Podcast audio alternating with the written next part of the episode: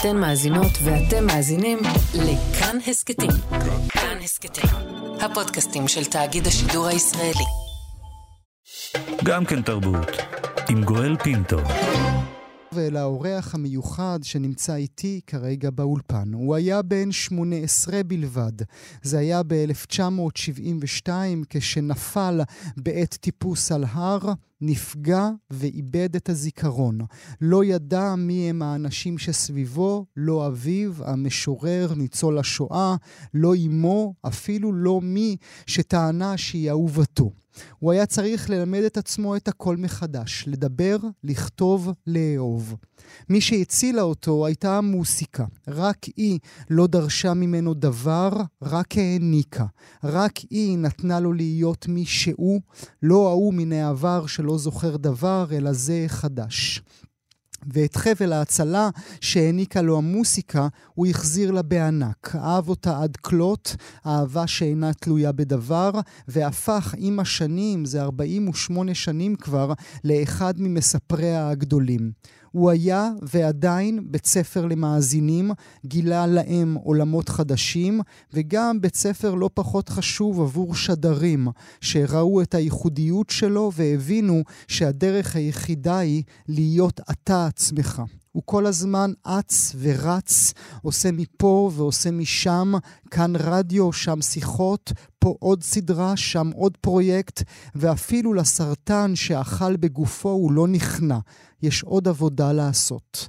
בימים אלה שני פרויקטים חדשים לו באוויר, גם התערוכה מייק ברנט, על חייו של מייק ברנט, המוצגת במוזיאון העיר חיפה, בה הוא משמש כיועץ תוכן, וגם שרים מאיר אריאל, ערב מחווה לכבוד יום הולדתו ה-80 של אריאל, ערב שיתקיים בעוד כשבועיים באמפי פארק רעננה, אותו הוא עורך. ויוביל. אני שמח, גם קצת נרגש, לארח באולפן את יואב קוטנר.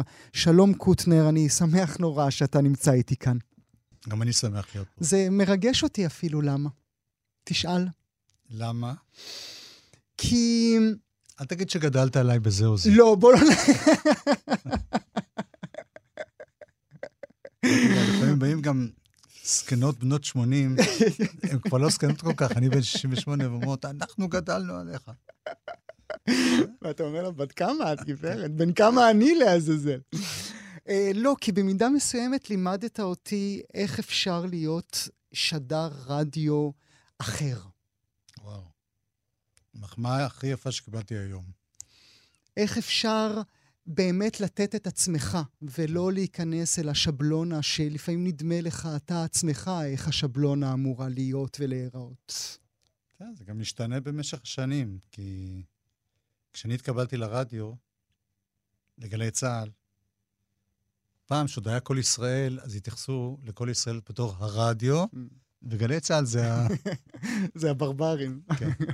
אז כשהתקבלתי לגלי צה"ל, אה, לא היה מקובל שמישהו עם קול כמו שלי, ושלא עשה קורס קריינים, אתה יודע, כל העניין של לדבר נכ... בצורה נכונה, mm. הגייה נכונה. ופשוט, מה שבער בי זה העניין של להשמיע מוזיקה. וזה היה אפילו קצת מעצבן אותי שאני צריך לרשום לכל מיני קריינים, שזה לא כל כך מעניין אותם. מי זאת הלהקת ג'נסיס הזאת? ואז יותר ויותר uh, התחלתי באמת להגיש כשאני בעצמי, אגב, המורה שלי הרוחני והמנטור, בלי שהוא יודע את זה, זה דורי בן זאב. Mm. כי דורי בן זאב, כשאני הגעתי לגלי צה"ל, היה מאוד שונה מאחרים בזה שהוא הוא עשה איזה תיאטרון, הוא שיחק תפקיד בתוך ה... זהו. אתה אומר לעצמך היום, עשיתי משהו בחמישים שנות, או אתה אומר, עזבו... זה לא חמישים, אני מבקש לדייק. ארבעים ו... שמונה. שמונה. אה, או שאתה אומר, תעזבו אותי בשקט? אה, תראה, זה, זה בעיה כאילו, איך להגדיר את זה, כי אני בסך הכל, כל השנים, עשיתי מה שבא לי ונורא נהניתי. אה, תוך כדי, תוך כדי תנועה, המצאתי לעצמי אג'נדות, שאני, חשוב לי להיות מיוחד, חשוב לי לא ללכת בתלם מבחינת פלייליסטים וכאלה, לעשות מה שאני מרגיש. חשוב לי להמציא משהו. למשל, אחד הדברים שאני עושה כבר המון המון שנים, זה לארח אנשים באולפן שינגנו. זאת אומרת, לא רק להשמיע שירים, אלא ליזום אה, יצירה. ובתחום הזה, אני כן, אני מרגיש שעשיתי משהו. אני לא יודע אם זה טוב או רע, אבל... אתה כן. מרגיש שיש לך זכויות ב- בהיסטוריה של התרבות הישראלית? לא. באמת לא. אתה אומר, או כי, כן, כי, זה לא כי זאת. התשובה הנכונה? לא, זה פשוט, תראה, בשנה שעברה היה קמפיין שלם אה, לתת לי פרס ישראל, וזה ממש אה, לא מצא חן בעיניי. זאת אומרת, ברור שזה מחמיא, אני לא. אגיד שלא כיף שפתאום המון אנשים אומרים לך שהם אוהבים אותך, אבל אני באמת זוכר את, אה, את מקומי בשרשרת המזון. אני לא היוצר, אם כי פה ושם הצלחתי ליצור משהו. ואני לא הפרפורמר. אני איזה צינור שמתווך, ואני זוכר את זה, וזה גם מה שגורם לי, אני חושב, להישאר uh, מי שאני. שאני לא תפסתי איזה אגו מוגזם ואמרתי, אני גיליתי את, ואני עשיתי את, ובזכותי. לא. אני יכול- עשיתי מה ש... מה... פרסים כאלה, או כיבודים כאלה, או תארים כאלה, כמו ששאלת אותי עכשיו, עשית משהו בתרבות הישראלית, בשבילי זה אריק איינשטיין. אמ, זה מאיר אריאל. מאיר אריאל ברור.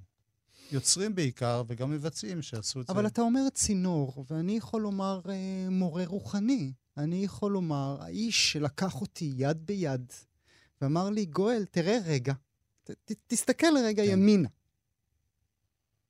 אני, אצלי זה היה שמאלה, אגב. אני מקווה ש- שאתה לא טועה בכיוונים. בראי זה נראה... כן.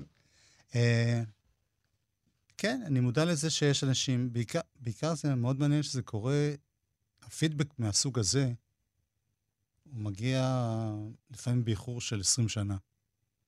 פתאום בא אליי, לפני שבוע אירחתי את ערן צור, ויש לי כזה תוכנית שאני פוגש אומנים בכל מיני, כל מיני הזדמנויות. אירחתי אותו על במה באולם צוקר, ופתאום הוא סיפר לי שהוא היה ילד, עוד לא היה מוזיקאי, והוא שמע, הייתה לי תוכנית רוק פלוס. לך תדע, מי זוכר את זה בכלל? הוא אומר, ושמעתי שיר של It's a Beautiful Day, White Bird, ואומר, זה נורא השפיע עליי, כי פתאום הבנתי שאפשר לעשות uh, מוזיקה כזאת שהיא ממש לא פופ. לך תדע, הוא... אתה מבין? זה, הרג... בסדר. זה הרגעים האלה, זה ה... ברגעים האלה זה נורא, נורא נעים ונורא כיף, אבל זה לא... זה ג'ון לנון פה מאחוריך? כן. כן, אה, מאזינות, יש לי תמונה של לנון מאחוריי, כן. אה, זה, זה, ברור שזה כיף, וגם אני לא אגיד שאני לא יודע אה, שפה ושם השפעתי. אבל באמת, בין זה ובין להיות מישהו שתרם לתרבות, או שינה את התרבות, או לקח אותה לאיזה כיוון, זה קצת, אה, אני מרגיש, מרגיש שזה קצת overrated, וגם זה מפחיד אותי מאוד מבחינה, ש... למשל, שרצו לתת לי את הפרס. או שהציעו, לא... לשמחתי, אביב מדינה לקח. אה, זה מיד מעורר עוד, עוד שאלות. אני למשל, אה, כל דרכי, השמעתי, כמו שאמרתי לך קודם, מה שאני אוהב, נהניתי. לא עשיתי את זה בשביל לקדם את, ה, את התרבות או את המוזיקה שאני אוהב. ואני יודע שבאופן טבעי יש מוזיקות שפחות השמעתי ופחות אה, אהבתי. כי עד שהפכתי להיות המנהל, אה, העורך המוזיקלי של ערוץ המוזיקה, באמת הייתי אגואיסט, שמתי רק מה שאני אוהב. ולא היה אכפת לי שאומרים לי, תשמע, כרגע הזמר הכי מצליח הוא שימי תבורי. אותי זה לא מעניין, אותי מעניין להשמיע את מי שאני רוצה. אגב, אני חושב שהוא זמר נהדר, מהמם. שלא יהיה... כי זה מביא אותי אל שאלת ההכאה על חטא, אבל אני רוצה להמתין איתה רגע כן, אחד. זה לא הקהל חטא, כי אני לא מרגיש שחטאתי, אבל אני מרגיש שברגע... שפספסת אולי? בטוח, בטוח, וגם ניסיתי לעשות uh, תיקון לפספוסי בראשית שלי, אבל זה לא היה בצורה שמוצגת היום. כאילו האליטה של. האשכנזים, מהמם. שישבו הלבנים. בישיבה לא היה סודית. דבר ו- כזה. לא היה דבר כזה, ולא היו החלטות כאלה, וככל שניתן לי בכוחי הדל, אז קידמתי גם uh, דברים... תראה, אני יכול uh, להצביע על דוגמה למשהו שמאוד השתנה אצלי. אני פגשתי את אהובה עוזרי ב-1976, Mm. כבר הייתי בגלי צה"ל.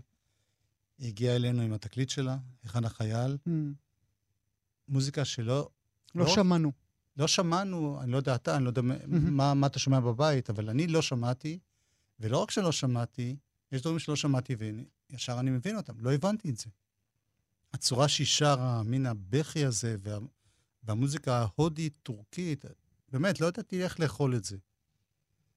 ואני גם זוכר, דרך אגב, שהיא אמרה לי משהו משעשע באותה פגישה היסטורית. היא אמרה לי, אני לא מבינה אתכם, אתכם זה כל הקלישאות של האשכנזי מהמם. וכולי וכולי וכולי.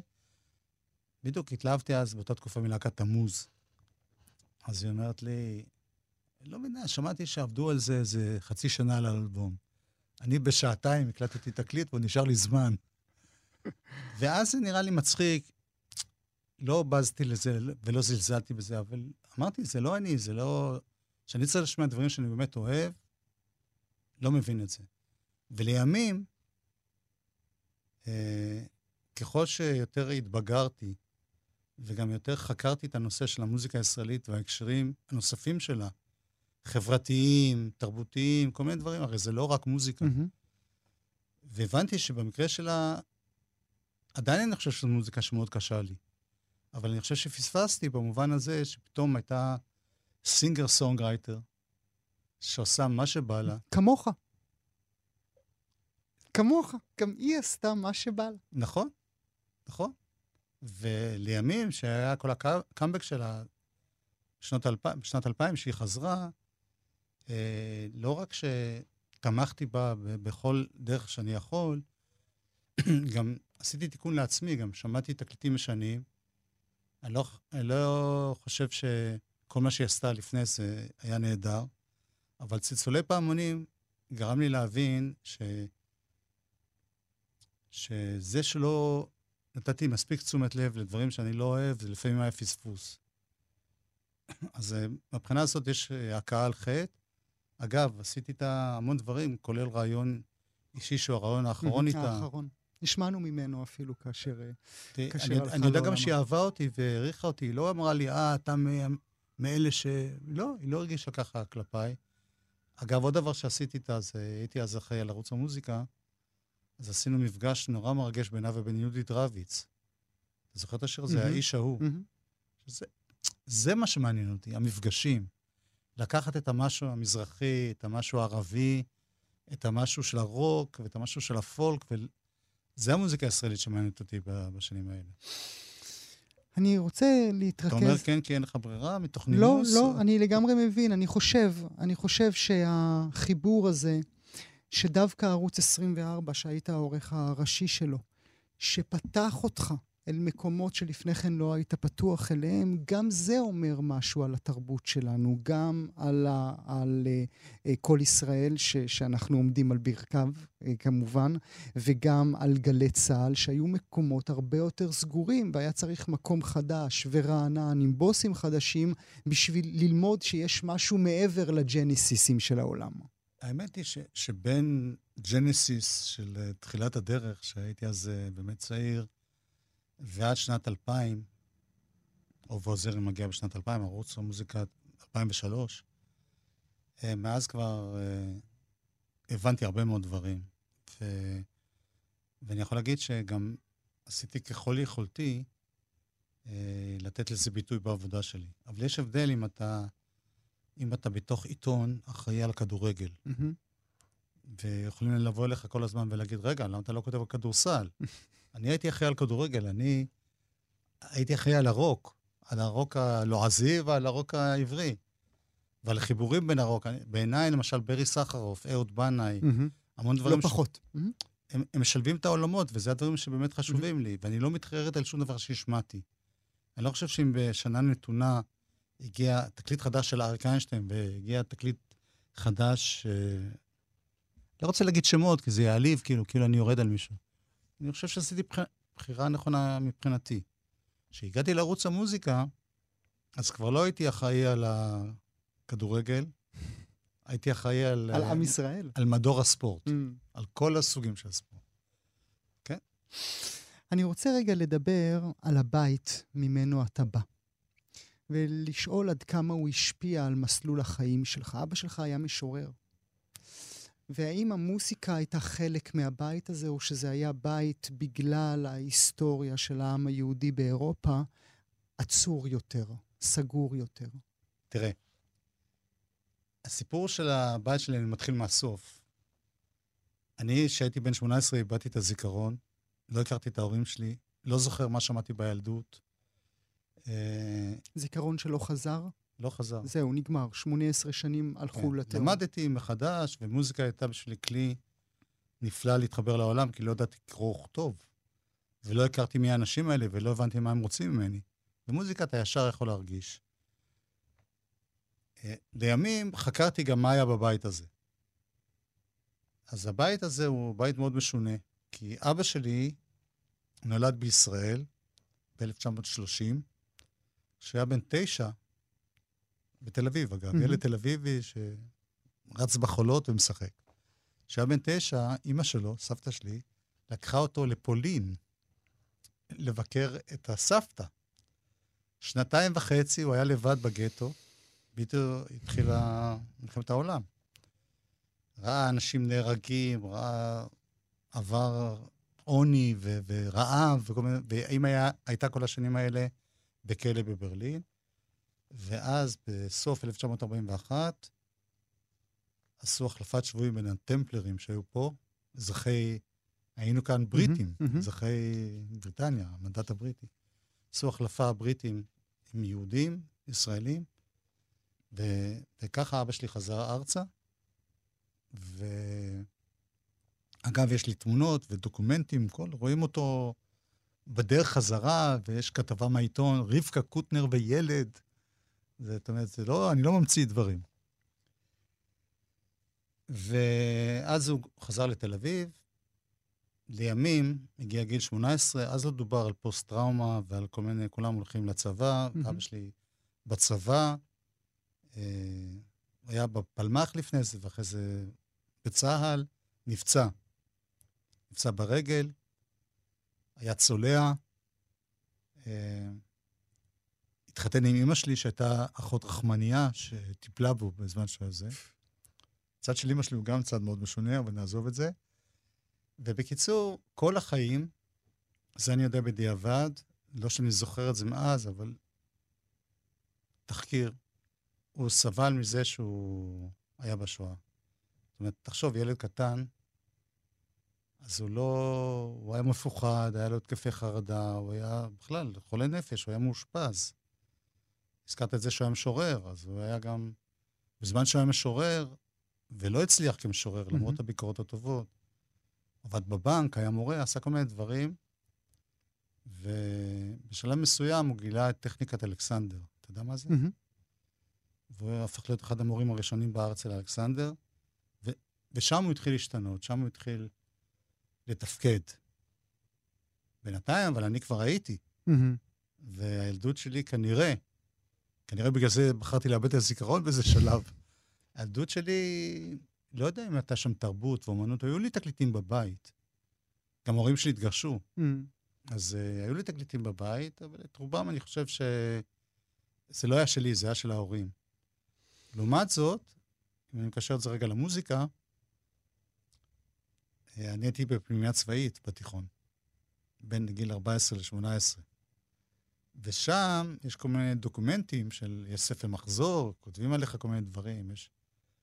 כתוב שמאוד אהבתי מוזיקה, שהייתי מתופף בתזמורת של, של הפנימייה, ושהייתי אחראי על המסיבות. Mm.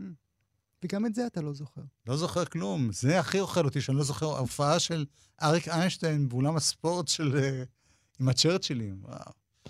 אתה לא זוכר. כלום. אתה חושב שזו ברכה שאתה לא זוכר את ה-18 שנים האלה? אולי היה שם משהו אה, שאולי הנפש מבקשת לא לזכור? בטוח. בטוח. אה, קודם כל, אני חושב שאנחנו מדברים גם 50 שנה אחרי. זה קרה בגיל 18, אני היום בן 68. אה, אז המבט שלי על כל התופעה הזאת, מה שקרה לי ומה שהיה, הוא מאוד שונה ממה שהיה אז. אז, אז פשוט חייתי, לא ידעתי מה היה צריך להיות, כי לא הכרתי, זה לא. אה, נקטעת לך הרגל ואתה זוכר שאתה הולך. הבנתי שהעולם מסביבי זה כל מיני אנשים שמדברים כל מיני דברים שאני לא מבין, ו... ואני צריך לשרוד. ובאמת המוזיקה בשבילי הייתה איזושהי, איזושהי דרך שהוביל אותי עד הלום, אגב. אבל איך למדת לאהוב? יש דברים שהם מעבר ל... אנחנו לומדים לאהוב בבית, אנחנו לומדים תראה, אתה לאהוב לומד- על החזה של אימא. אתה, איך אני... אתה, אתה לומד, את זה לא ניסיתי אגב, מאז שאני זוכר את עצמי. את החזה של אימא. אבל uh, יש דברים שאתה לומד, כמו למשל, uh, תינוק לומד לדבר, Mm. לומד לא לעשות פיפי במיטה. Mm. ואת הדברים האלה אני לא הייתי צריך ללמוד, זה בא לי באופן טבעי, יכולת הדיבור. הייתי צריך ללמוד את המילים. אה, לאהוב, זה לא דבר שאתה שולט בו. זה דבר שאתה... יש זיכרון לגוף, יש זיכרון יותר עמוק לנשמה. אולי... למשל, רק, רק, סליחה שאני מתפרץ, אבל הייתה לי חברה בתיכון, שלוש שנים, ולא זכרתי אותה ולא אהבתי אותה. וגם לא בדיוק הבנתי מה צריך לעשות עם בחורה שבאה אליי לבקר אותי. אבל... לא, יחד עם הזיכרון גם רגש האהבה אליה לא, נעלם. זה, היא הייתה אדם זר, ו... זה לא ששנאתי אותה או משהו, אבל לא, לא חשי אה, כלפיה כלום. לא אהבתי, אתה יודע, את ההורים שלי, לא, את האח שלי, כל מיני דברים, לא, לא הרגשתי, זה במשך השנים אתה מרגיש. מה שכן אהבתי מהשנייה הראשונה זה מוזיקה. זה מוזיקה. כי זה מילא אותי באיזו הרגשה שלמוזיקה יש כוח להשפיע, אני לא מחדש פה כלום, אבל המוח שלך, אתה, אתה מרגיש טוב, גם אם אתה לא מבין למה, מהמם. וגם אם אתה לא מבין את המילים. חד משמעית, זה לוקח אותך למקום, ל- לעולם אחר. איך למדת להיות אבא? איך אתה יודע מה זה להיות אבא בלי לזכור איך זה להיות בן?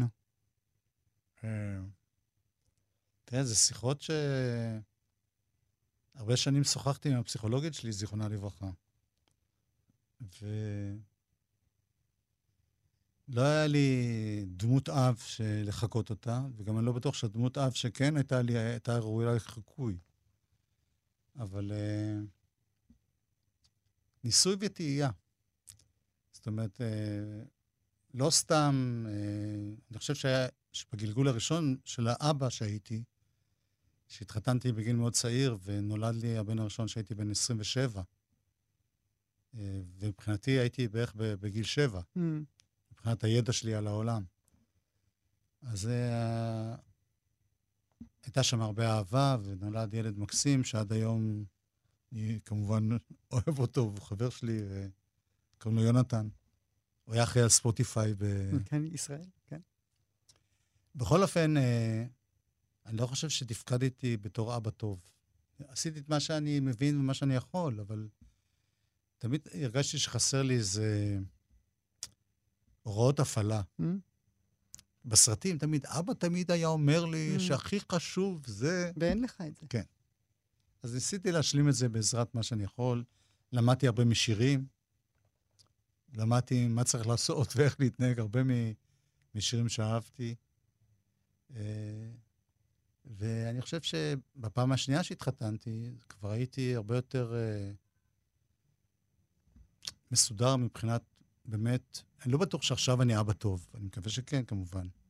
אבל הייתי יותר, אה, יותר ידעתי את הוראות ההפעלה. זה לא בדיוק הוראות, זה איך להגיב לכל מיני מצבים, מה, מה אתה יכול לשנות ומה אתה לא יכול לשנות. שזה, לפעמים אתה צריך להניח. מהמם. אני חושב על המוסיקה שגילית לנו אז, בגלי צה"ל. בעצם גילית אותם, את השירים האלה, גם לעצמך, כי גם זה לא היה לך על מה להישען. לך, לא היה לך את האזנבור שהיה לי בבית, ש, שהיו שומעים בקולי קולות, ואין אין מה לעשות, אני אוהב את אזנבור, כי זה מה ששמענו בבית. אגב, היה אז נבור, אבל לא משנה. אבל לא היה לך את, את הדבר הזה להישען עליו. אה, שוב, אני יכול להגיד את זה רק בדיעבד, לא ב... כשאני התחלתי לשמוע מוזיקה, אה, אני מדבר על זה פלוס מינוס גיל 20, Mm. כי כל תקופת השיקום, כאילו, הראשונית, זה דבר שאתה שומע את זה ואתה לא יודע אפילו מה אתה שומע, ו...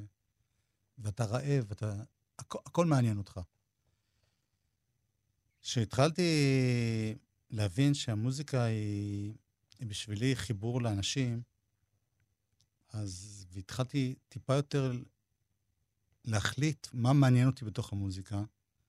התחלתי לעבוד בחנות תקליטים. ושם גיליתי את הכוח שזה נותן לי, שאני אוהב, נגיד, שיר חדש של אלטון ג'ון, ו-your song, אגב, אם אתה... והייתי מוכר בחנות, והייתה באה בחורה ואומרת לי, תגיד, יש משהו חדש יפה? והייתי משמיע לה את your song, והיא הייתה קצת מתאהבת בשיר וגם קצת בי. פתאום בשבילי זה היה משהו נורא בסיסי. אני אומר את זה כאילו בצחוק, אבל זה, אני חושב שמאז ועד היום זה מה שאני עושה. גיליתי כמה זה גורם לי אושר לשתף אנשים במוזיקה שאני אוהב. ו... וככה אתה גורם לכולנו להתאהב בך. עכשיו הבנתי את הפטנט. ברור, ברור. חוץ מאלה שאני לא משמיע אותם ושונאים אותי. או שאני משמיע מוזיקה שהם לא אוהבים, ועוד יותר שונאים.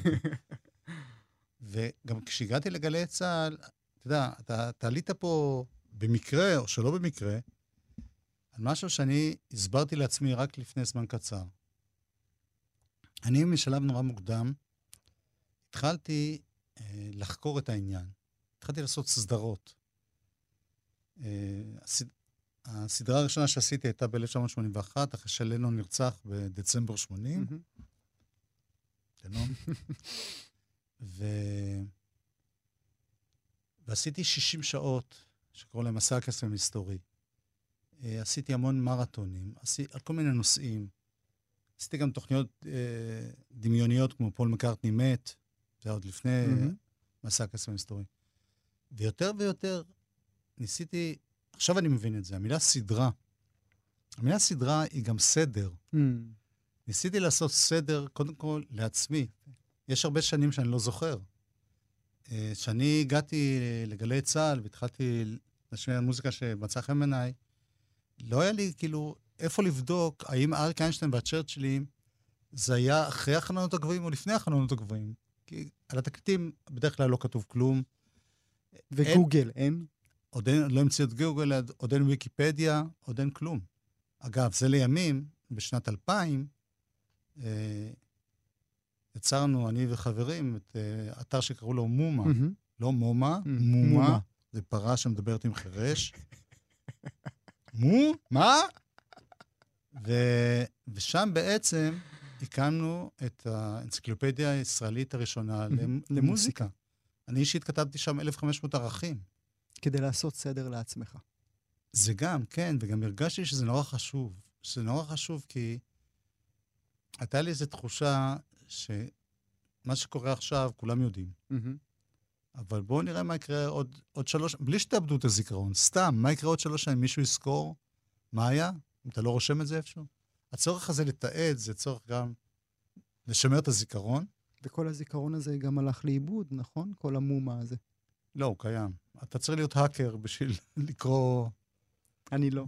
ואגב, הרבה, הרבה מהחומרים משם בסוף הגיעו לוויקיפדיה, כי... Mm. זה בסדר. בימינו, אתה יודע, האינפורמציה היא כבר לא שלך. קיימת. כן. אני רוצה לדבר כל כך הרבה תחנות וכל כך הרבה אנשים שפגשת, ואתה... אשתי. ואנחנו כאן נמצאים אה, לכבוד אה, שרים מאיר אריאל, שהתקיים באמצע יוני, ערב מחווה לכבוד יום ההולדת ה-80 שציינו עבורו במרץ השנה. כל אותם אנשים, כל אותם פיגורות, שהיית חלק מרכזי וחלק מהחיים שלהם, יש את האחד, יש את האחד שתיקח אותו עד 120? עד לקבר? Mm. אריק איינשטיין. זה ברור. מעל כולם, כי אריק איינשטיין, בשבילי, באמת יצא, יצא לי... בשנים האחרונות יש את הביטוי הזה, הייתה לי הזכות. Mm, בטח. אני לא כל כך אוהב להגיד את זה, אבל יצא לי באמת לראיין ולפגוש את כולם. ואריק איינשטיין, קודם כל, הסיפור שלו האישי, הסיפור של ההתפתחות שלו, הוא סיפור נורא נורא מעניין. מי הבחור הספורטאי שבכלל לא חושב להיות זמר ומגיע כאילו במקרה ללהקה הצבאית, ו... והוא הופך צ'יק צ'ק להיות כוכב, ובכל זאת כל הזמן משתנה ומתפתח ומקים הוא משתתף בשלישיית גשר הקרון, ואחרי זה החלונות הגבוהים, ואחרי זה פוגש את הצ'רצ'ילים, ויש אלבום הרוק העברי הראשון, פוזי, ואחרי זה עם שלום חנוך, ו... וזה ממשיך, הוא כל הזמן פוגש אנשים, וכל הזמן ולחקור אותו, בשבילי זה היה גם לחקור את uh, סיפור המוזיקה הישראלית, מהמם. את ההתפתחות. לא עד ימינו, כי בימינו הכל קצת uh, השתנה. וכל האנשים ש... נגיד- מאיר אריאל ושלום חנוך, שאני, כל אחד מהם אני מת עליו, זה היה מתוך העץ הזה, הראשי, הם היו ענפים, ו... או שורשים, לא משנה. ואריק, התמזל מזלי, שגם נוצר איזשהו קשר אישי. הוא קודם כל, אה, פגשתי אותו לראשונה, שהיה מופע משותף שלו ושל שלום חנוך. אתה זוכר, בסוף שנות 1979? ההופעה המשותפת קראו לזה. לפני זה ראיתי אותו כמובן כקהל, בכל מיני הופעות. אבל אז שלחו אותי, אני חושב שהייתי במעריב או בידיעות, לא זוכר כבר, במעריב, לראיין אותם, וזו פעם ראשונה שפגשתי את הבן אדם. והוא בן אדם באמת שנתן לך הרגשה, לא, לכולם, כל מי שהכיר אותו, ממש, ב... הייתה לו בדיחה כזאת. אני אוהב להסתכל לילדים בגובה העיניים, הבעיה שהם נמוכים וכואב לי הגב שאני מתכופף. אבל הוא באמת, הוא לא נתן לך הרגשה, אני אריק איינשטיין. ויש זמרים שנותנים לך את ההרגשה Mhm. הזאת. אני, מהמם. ואני עושה לך טובה שאני מדבר איתך, לא. והוא שמח עליי, ולכן, בשנים האחרונות שלו, שעד אליהם כבר ראיינתי אותו לפחות 20 פעם, עשיתי איתו בסוף עונת התפוזים, רעיון מקסים מהמם. שנמשך המון זמן, ורק חלק ממנו שודר, שהוא ממש מדבר איתי. שואל אותו, למה אתה מופיע? אז הוא אומר, תופיע אתה, מה אתה שולח אותי להופיע? אז משהו בבן אדם הזה היה מאוד חשוב לי בלימוד של ההיסטוריה שלי ושל המוזיקה הישראלית. ב', הבן אדם עצמו היה מאוד מאוד משתף פעולה, ובשנים הרש... האחרונות, מדבר על עשר שנים האחרונות, זה גם משהו נורא עצוב. הוא, הראייה שלו הלכה והידרדרה. הוא, הוא לא יכל לקרוא, לגלוש באינטרנט, הוא לא יכל לקרוא ספרים. הוא בקושי היה רואה טלוויזיה, היה ככה צמוד למסך, ובעיקר שומע את המשחקי כדורגל שהוא כואב. הכה אהב, כן. אדם מבוגר, לא משנה. ו... אבל פעם שאלתי את אלי מוהר, אפרופו הארונות האחרונים שעשיתי, אלי מוהר, ראיינתי אותו זמן קצר לפני שהוא אה, נפטר, ואמרתי לו, תגיד, אתה ואריק, ו... הם אנשים מבוגרים, מה זה הכדורגל הזה? מה אתם... בסדר שאתה אוהב לראות, אבל... זה הילד שבנו, הילד שנשאר. לא משנה. אז אריק איינשטיין בשנים האחרונות האלה, אה, היה מתקשר המון פעמים. היו לו כמה אנשים, אחד אחראי על תל אביב, אחד אחראי על אה, הפועל תל אביב, אחד אחראי על אתלטיקה. אה, כשהוא עוד חי, אלי מוהר היה חי גם על עברית וגם על תל אביב, על פועל תל אביב, גם על סיפורי תל אביב. ו... והרגשתי שאני אני רואה אותו באמת מאחורי הקלעים. כי גם כשאתה מראיין מישהו לתוכנית טלוויזיה והוא מאוד נחמד וצוחק, זה עדיין הצגה. מהמם. הכל זה הצגה. מהמם. כולל מה שאני עושה איתך עכשיו. אבל שם, בשיחות היותר פרטיות האלה, שתמיד היו מתחילות מאיזה, תגיד, שמעתי עכשיו זמרת, איך קוראים לה? כאילו זה מתחיל במשהו ענייני, שהוא צריך ממני משהו, ותמיד זה נגרר לבדיחות, והרגשתי שאני מאוד מאוד קרוב אליו. אני יכול להגיד לך שהמוות שלו היה לי יותר קשה מהמוות של אבא שלי. הרגשתי, אני יודע שזה משהו מזעזע להגיד, אבל הרגשתי הרבה יותר קרוב אליו מאשר למי שהייתי אמור להכיר מתמיד. היית אמור. אם אני חושב על איינשטיין, ואני חושב על מוהר, ואני חושב על מודי ברון, שרק איבדנו השבוע, כן. כולם אנשי הכדורגל, כולם אה, אהבו את הדברים האלה, והיו אנשי תרבות ענקיים, וגם ענקים. אהבו מוזיקה מאוד. ואהבו מוזיקה מאוד. אני חושב שהגדולה של מודי ברון, כי את הצד של הספורט אני לא כל כך מכיר, מהמם. אבל שהוא באמת אה, הכניס את ה... שילב בין תרבות ואומנות חד משמעית. המוות שלהם, המוות שהיית, ש, ש, שחווית אותו, נכנס אל המחשבות גם שלך עצמך, על מוות שלך שיגיע? לא. אה, תראה, המוות הראשון הדרמטי שאני חוויתי, אני לא מדבר על ענייני משפחה, זה היה ג'ון לנון, בשנת 80, כמו שאתה זוכר. הייתי בן 26. וכמובן, זעזע אותי וזה, אבל איכשהו אני, אני לא חי ב... בתחושה שזה קרוב. אפילו עכשיו, בשנה החולפת, היה לי שני ניתוחי סרטן, ואני בריא. למרות שבמחלקה האונקולוגית לא אומרים לך, אתה בריא, אומרים, כרגע אתה נקי, תבוא עוד שלושה חודשים. אז אה, שם לא היו לי הרהורי משמעות החיים, ו... אה, מה זה אומר? זה ייגמר, זה ייגמר? מין כסר אסרה? קצת, זה, זה קצת, אה, קצת בודהיזם, במובן של... זאת המציאות. אני שמח שאמרו לי שאני לא אמות מזה, נגיד עם הסרטן, או... זה כמובן מאוד מאוד עצוב לי וכואב לי. היו לי עוד חברים מאוד קרובים, מיוסי אלפנט, שממש הייתי קרוב אליו, היינו חברים, וחברתי מיכל ניב, שהתאבדה. זאת אומרת, אנשים שממש היו חלק מהחיים שלי והם אינם, וזה לא גרם לי להגיד, אה, צריך למהר ולהספיק, כי עוד מעט אתה, אתה הולך. אלא... אני לא יודע איך להסביר את זה, זה כאילו ניסיון לקבל את, ה, את החיים כמו שהם. אבל דווקא כמי שחווה את המוות של האנשים שאהבת, את כן. הלנונים, ואת האיינשטיינים, ואת המיכל ניביות. אין מיכל ניביות, יש אחת. יש אחת. ויוסי אלפנטים.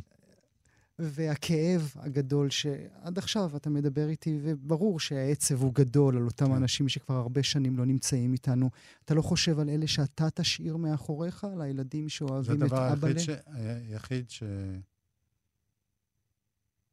שחשוב, כן. אלה שיהיה להם נורא עצוב אם אני לא אהיה, כי אני... אה, זה מעניין, זו שאלה טובה. סוף סוף יש שאלה טובה, אתה רואה? ישבנו 40 דקות. לא, זו שאלה מעניינת. אני, אני מרגיש שאיכשהו, בזמן שאני הייתי במשבר מאוד קשה, גופני, מבחינה נפשית לא, לא, לא הגעתי למקום ההוא ש, של, של חששות וזה. הייתי אופטימי. הייתי מתלוצץ עם רופאיי, הייתי לובש גרביים מצחיקים, וכל בוקר בסיור בוקר היו רואים את הרגליים שלי, הייתי עושה רגליים של ברווז והם היו צוחקים. אה, וכמובן שכל החוג המצומצם, אני חושב שלאנשים שחיים עם מישהו שהוא נגיד חולה מאוד, אז הם הרבה יותר סובלים ממנו. Mm-hmm. אתה מסלול שם עם כל מיני תרופות ומורפיום, ואיזה כיף. אבל הם ממש דואגים. ו... אני איכשהו, זה עבר עליי בקלות. אני, מצד שני, אני מרגיש עוד משהו, אני חייב להגיד לך את זה. דיברנו על כל מיני אנשים שמתו. אני חושב שאנשים, למשל אריק איינשטיין, מאיר אריאל וכולי וכולי, הם לא מתו בשבילי. זאת אומרת, ברור שהגוף איננו, אבל הרי רוב האנשים שאני מעריץ ואינם, ג'ון לנון, לא הכרתי אותו, הוא לא היה mm-hmm. חבר שלי. אולי עדיף שלא הייתי מכיר אותו, כי אתה תמיד שומע סיפורים mm-hmm. גם לא נעימים. Mm-hmm. אבל אנשים שהם יוצרים גדולים, או שהם חשובים לך כיוצרים, הם נשארים. ואני מרגיש שהם נשארו. אז אני רוצה לסיים את השיחה הזו בדיוק כמו שהתחלתי, ולהגיד לך, למרות מה שאתה אומר, גם אתה תישאר. אמן! ניפגש בעוד 50 שנה ונראה. אמן. יואב קוטנר, לעונג, לעונג, לעונג רב. תודה שהיית אצלי באולפן. תודה. גם כן תרבות. ראשון עד רביעי בין 9 ל-11. רק בכאן תרבות. אתן מאזינות ואתם מאזינים לכאן הסכתים. כאן הסכתים, הפודקאסטים של תאגיד השידור הישראלי.